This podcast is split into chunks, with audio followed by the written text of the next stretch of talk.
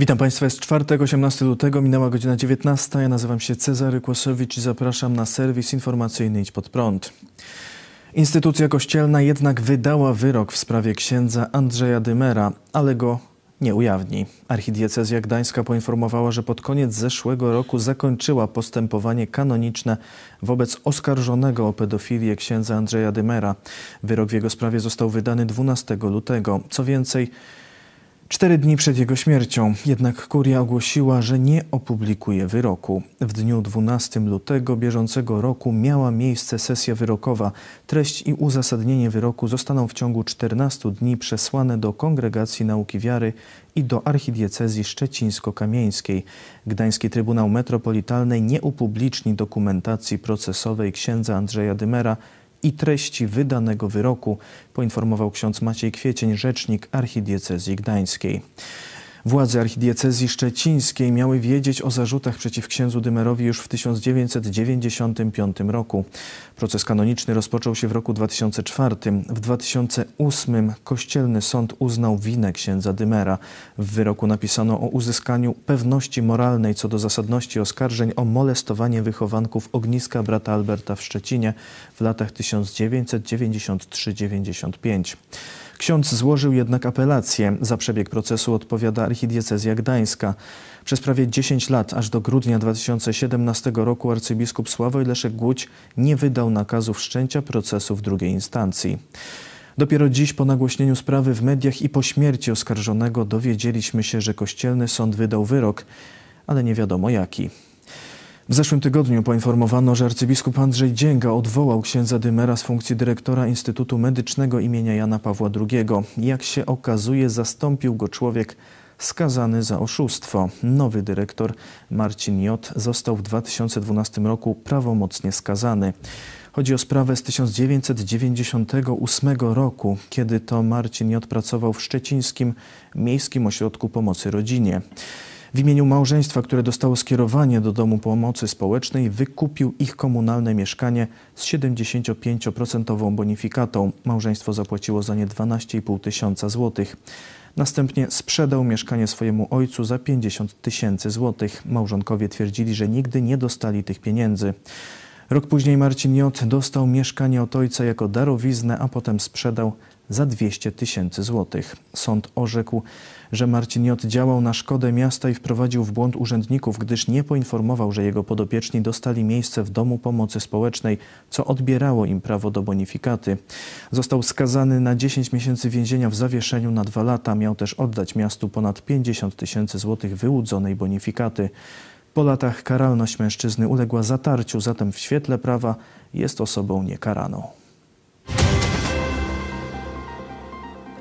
Premier obwinia Komisję Europejską za niedobór szczepionek. Premier Mateusz Morawiecki podczas dzisiejszej konferencji prasowej jasno stwierdził, że za niedostateczną liczbę szczepionek odpowiedzialność ponosi Komisja Europejska, która według premiera źle negocjowała i nie dopilnowała wykonania umowy z dostawcami szczepionek. Nieodmiennie podstawową naszą nadzieją pozostaje szczepionka. Ta szczepionka, której ciągle mały, mamy za mało. Mamy jej za mało, ponieważ Komisja Europejska w niewłaściwy sposób negocjowała z dostawcami z całego świata. Ja wzywam Komisję Europejską, żeby wykorzystała swoją siłę, swoją siłę gospodarczą, finansową i przymusiła firmy farmaceutyczne, tych kilka głównych firm, do skutecznej, właściwej realizacji umowy. Umowy nie wykonania z należytą starannością, bo tam są takie ogólne zapisy.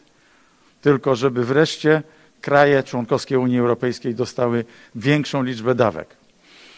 To jest niestety główne wąskie gardło, to jest główna pięta achillesowa całego systemu. Komisja Europejska z przewodniczącą Ursulą von der Leyen musi wezwać główne firmy farmaceutyczne i postawić im warunki. To jest moja Rada i tak do takiego działania będę nakłaniał również podczas e, spotkania Rady Europejskiej w przyszłym tygodniu. Musi być wykorzystanie siły gospodarczej, siły finansowej i aspektów prawnych po stronie Unii Europejskiej. Nie możemy być mm, poszkodowani przez te firmy poprzez przesuwanie dostaw dawek szczepionek na późniejsze miesiące, na, na maj, na czerwiec. Tu i teraz potrzebne nam są szczepionki.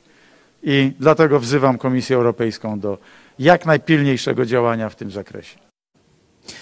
Nasuwa się pytanie, dlaczego rząd polski samodzielnie nie zadba o szczepionki dla Polaków, a ciągle opiera się na nieskutecznej Komisji Europejskiej. Ministerstwo Zdrowia poinformowało dziś o 273 zgonach z powodu koronawirusa z komunistycznych Chin i o 9 tysiącach nowych zakażeń. Do tej pory w Polsce z powodu wirusa zmarło już ponad 41,5 tysiąca osób. Liczba hospitalizowanych osób zakażonych utrzymuje się na poziomie 12 tysięcy, a liczba wykorzystywanych respiratorów na poziomie 1200. W Polsce wykonano już ponad 2 miliony 380 tysięcy szczepień. Wczoraj wykonano 150 tysięcy szczepień, co jest najlepszym jak dotąd wynikiem. Dwie dawki szczepionki przyjęło już 774 tysiące osób. Liczba zarejestrowanych niepożądanych odczynów poszczepiennych przekroczyła 2100. 30 tysięcy złotych kary za otwarcie restauracji w czasie pandemii. Sanepid nałożył 30 tysięcy złotych kary na restauratora z Cieszyna, który w styczniu otworzył swój lokal w trybie stacjonarnym. Właściciel restauracji zamieścił decyzję na facebookowej stronie. Jak zapisano, kara została nałożona za niedostosowanie się do obowiązku czasowego ograniczenia prowadzenia działalności polegającej na przygotowaniu i podawaniu posiłków i napojów gościom siedzącym przy stołach lub gościom dokonującym własnego wyboru potraw z wystawionego menu spożywanych na miejscu.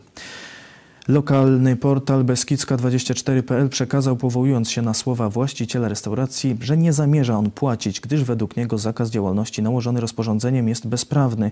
Powołuje się na wyrok Wojewódzkiego Sądu Administracyjnego w Opolu, który stwierdził w sprawie fryzjera ukaranego za ostrzyżenie klienta, że Sanepid nie może nakładać kar na podstawie tylko rządowego rozporządzenia.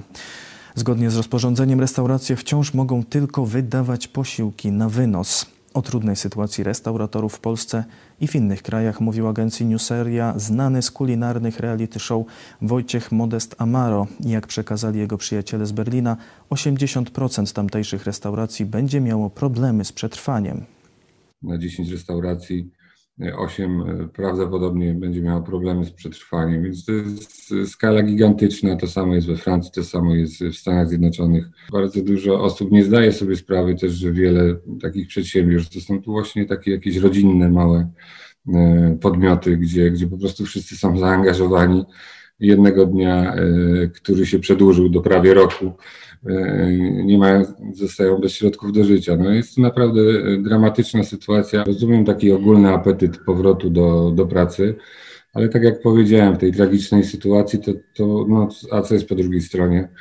Właściwie świadomość, że może ktoś przyjść, zarazić się, pójdziemy do domu i właśnie babcia czy osoba starsza, nie wiem, będzie miała jakieś problemy z tego tytułu. Ja nie zamierzam nikogo osądzać, oceniać czy wziął udział, bo już mu się nudziło w domu, e, czy faktycznie jego, jego sytuacja była e, taka. Skoro się na to zdecydował, to liczę, wszyscy wiemy, jakie są konsekwencje tego, e, jak wyglądają też obostrzenia. Może dzisiaj już z perspektywy takiej, gdzie trochę światełko w tunelu się pojawia, że one zostaną, tak przynajmniej wszyscy przewidują, lada moment jakoś obluzowane, gdzie będzie można do jakiejkolwiek formy pracy wrócić no to już też inaczej to wszystko wygląda.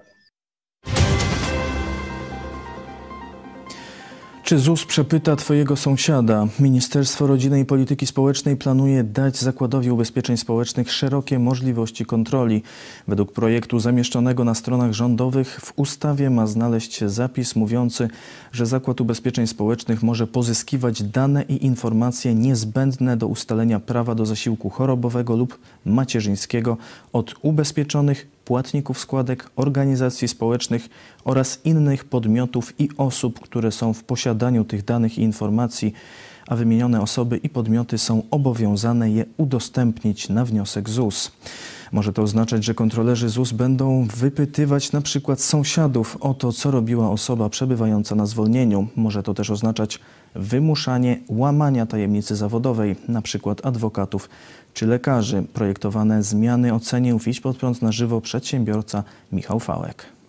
Więc kolejna próba e, tworzenia takiego prawa, które jest opresyjne e, dla obywateli, jest prze, przeze mnie oceniana no jak, jak najbardziej negatywnie. Nie podoba mi się to. Jest to bardzo niebezpieczne, bardzo groźne. Oczywiście projekt to jest na razie projekt ustawy, ale jest bardzo nieprecyzyjny. Można powiedzieć, możliwości są, są nieograniczone właśnie dla ZUS-u. I teraz pytanie, czy to jest przypadek, czy to jest celowe? Czy to jest celowe właśnie zostawienie niedoprecyzowania w projekcie, po to, żeby e, urząd mógł sobie później to wykorzystywać na swoją korzyść ze szkodą dla podatnika czy dla obywatela. Spodziewam się, że tak będzie. Wzrost cen napojów po wprowadzeniu podatku cukrowego. Jak donosi Centrum Monitorowania Rynku, wprowadzenie podatku cukrowego spowodowało drastyczny wzrost cen i spadek sprzedaży napojów bezalkoholowych. Ceny napojów gazowanych wzrosły średnio o 22%.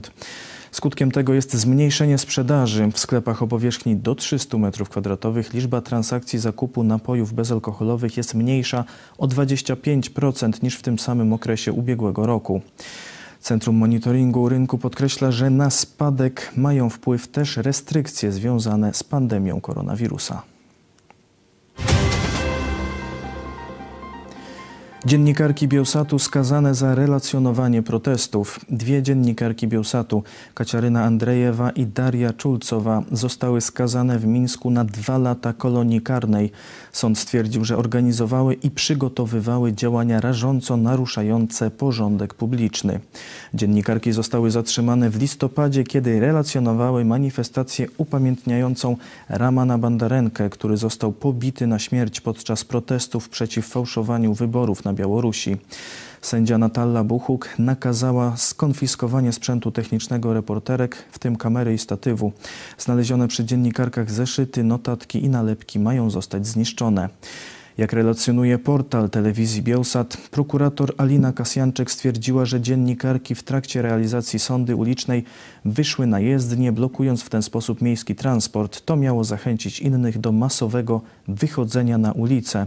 Adwokat Kaciaryny Andrejewej, Siarchiej Zikracki, podkreślił, że przed sądem nie pojawił się ani jeden świadek, który potwierdziłby winę oskarżonych.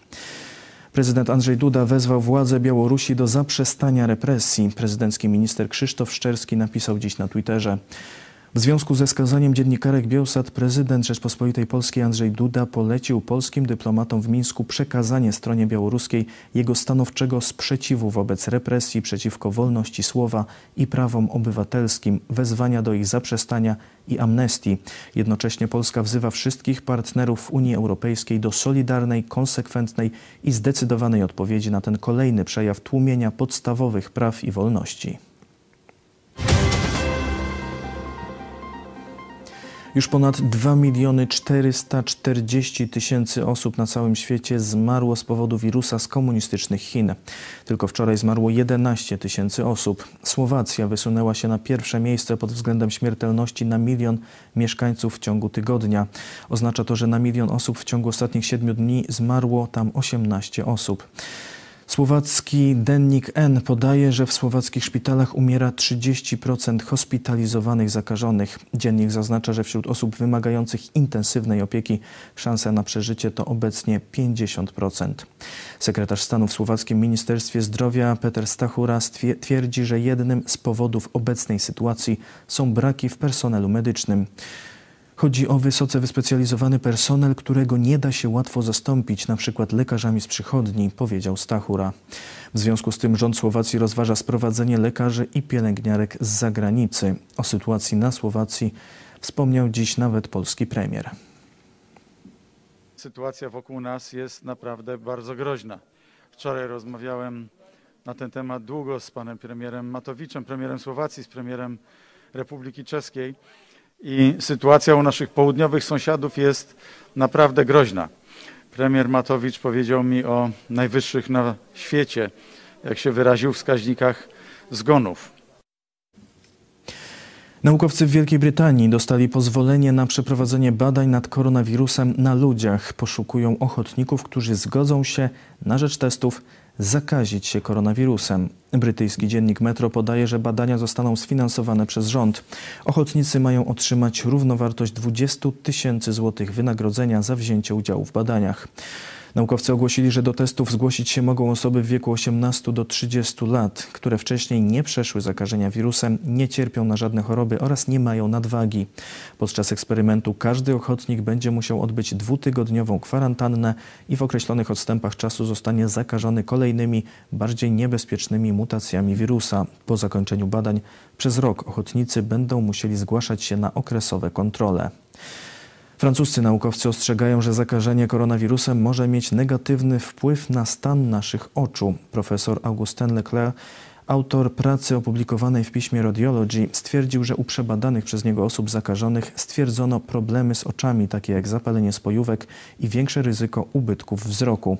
U pacjentów zaobserwowano także jedno lub więcej zgrubień w tylnej części gałki ocznej. Naukowiec wezwał do badania wzroku każdej hospitalizowanej osoby zakażonej koronawirusem. Coraz więcej państw europejskich opowiada się za wprowadzeniem na terenie całej Unii Europejskiej tzw. Tak paszportów szczepionkowych, czyli dokumentów poświadczających przyjęcie szczepienia przeciw koronawirusowi. Wśród tych państw są już Grecja, Cypr, Dania, Czechy, Estonia i Madera. Szczepionkę chciał zakupić Tajwan. Okazuje się jednak, że dostaw nie będzie. Tajwański minister zdrowia twierdzi, że jest to efekt działań komunistycznych Chin.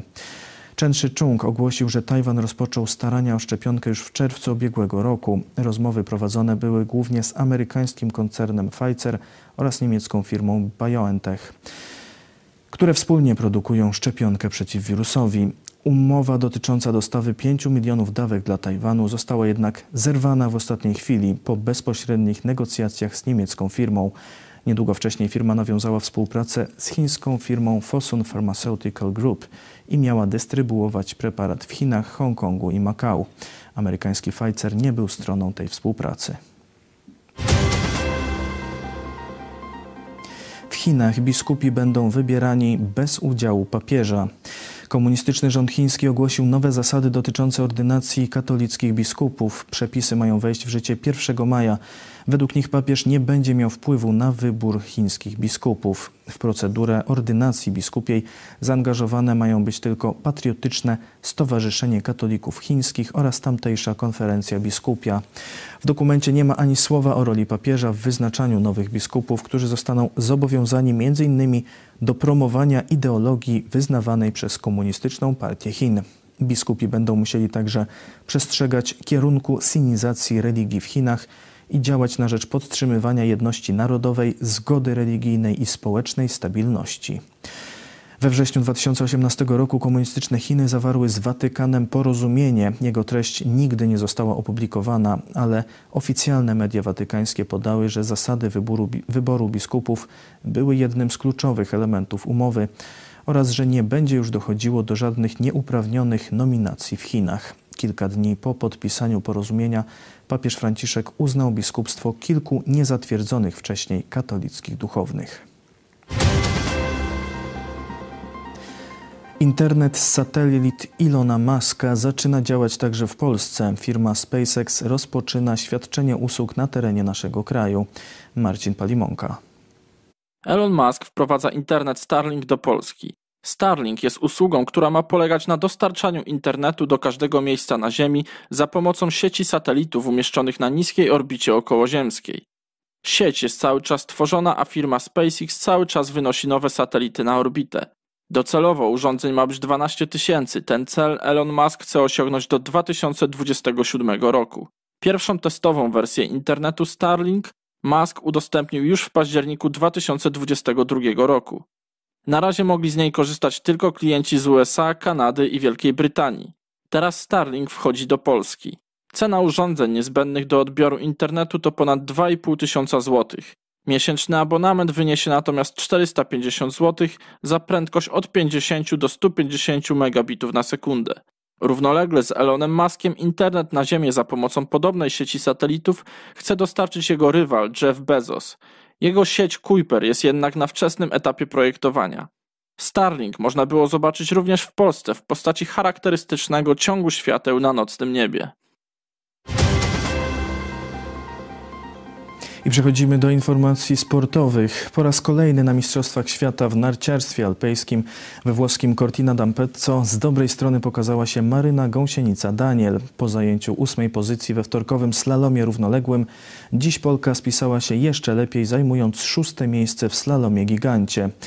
Bardzo dobrze spisała się również debiutująca na Mistrzostwach Świata 19-letnia Magdalena Łuczak, która zajęła 19 miejsce. Najlepsza w dzisiejszych zawodach okazała się Szwajcarka Lara Gutberami, dla której to już drugie złoto wywalczone na tych mistrzostwach. Druga była Amerykanka Michaela Schifrin, a trzecia Austriaczka Katarina Linsberger.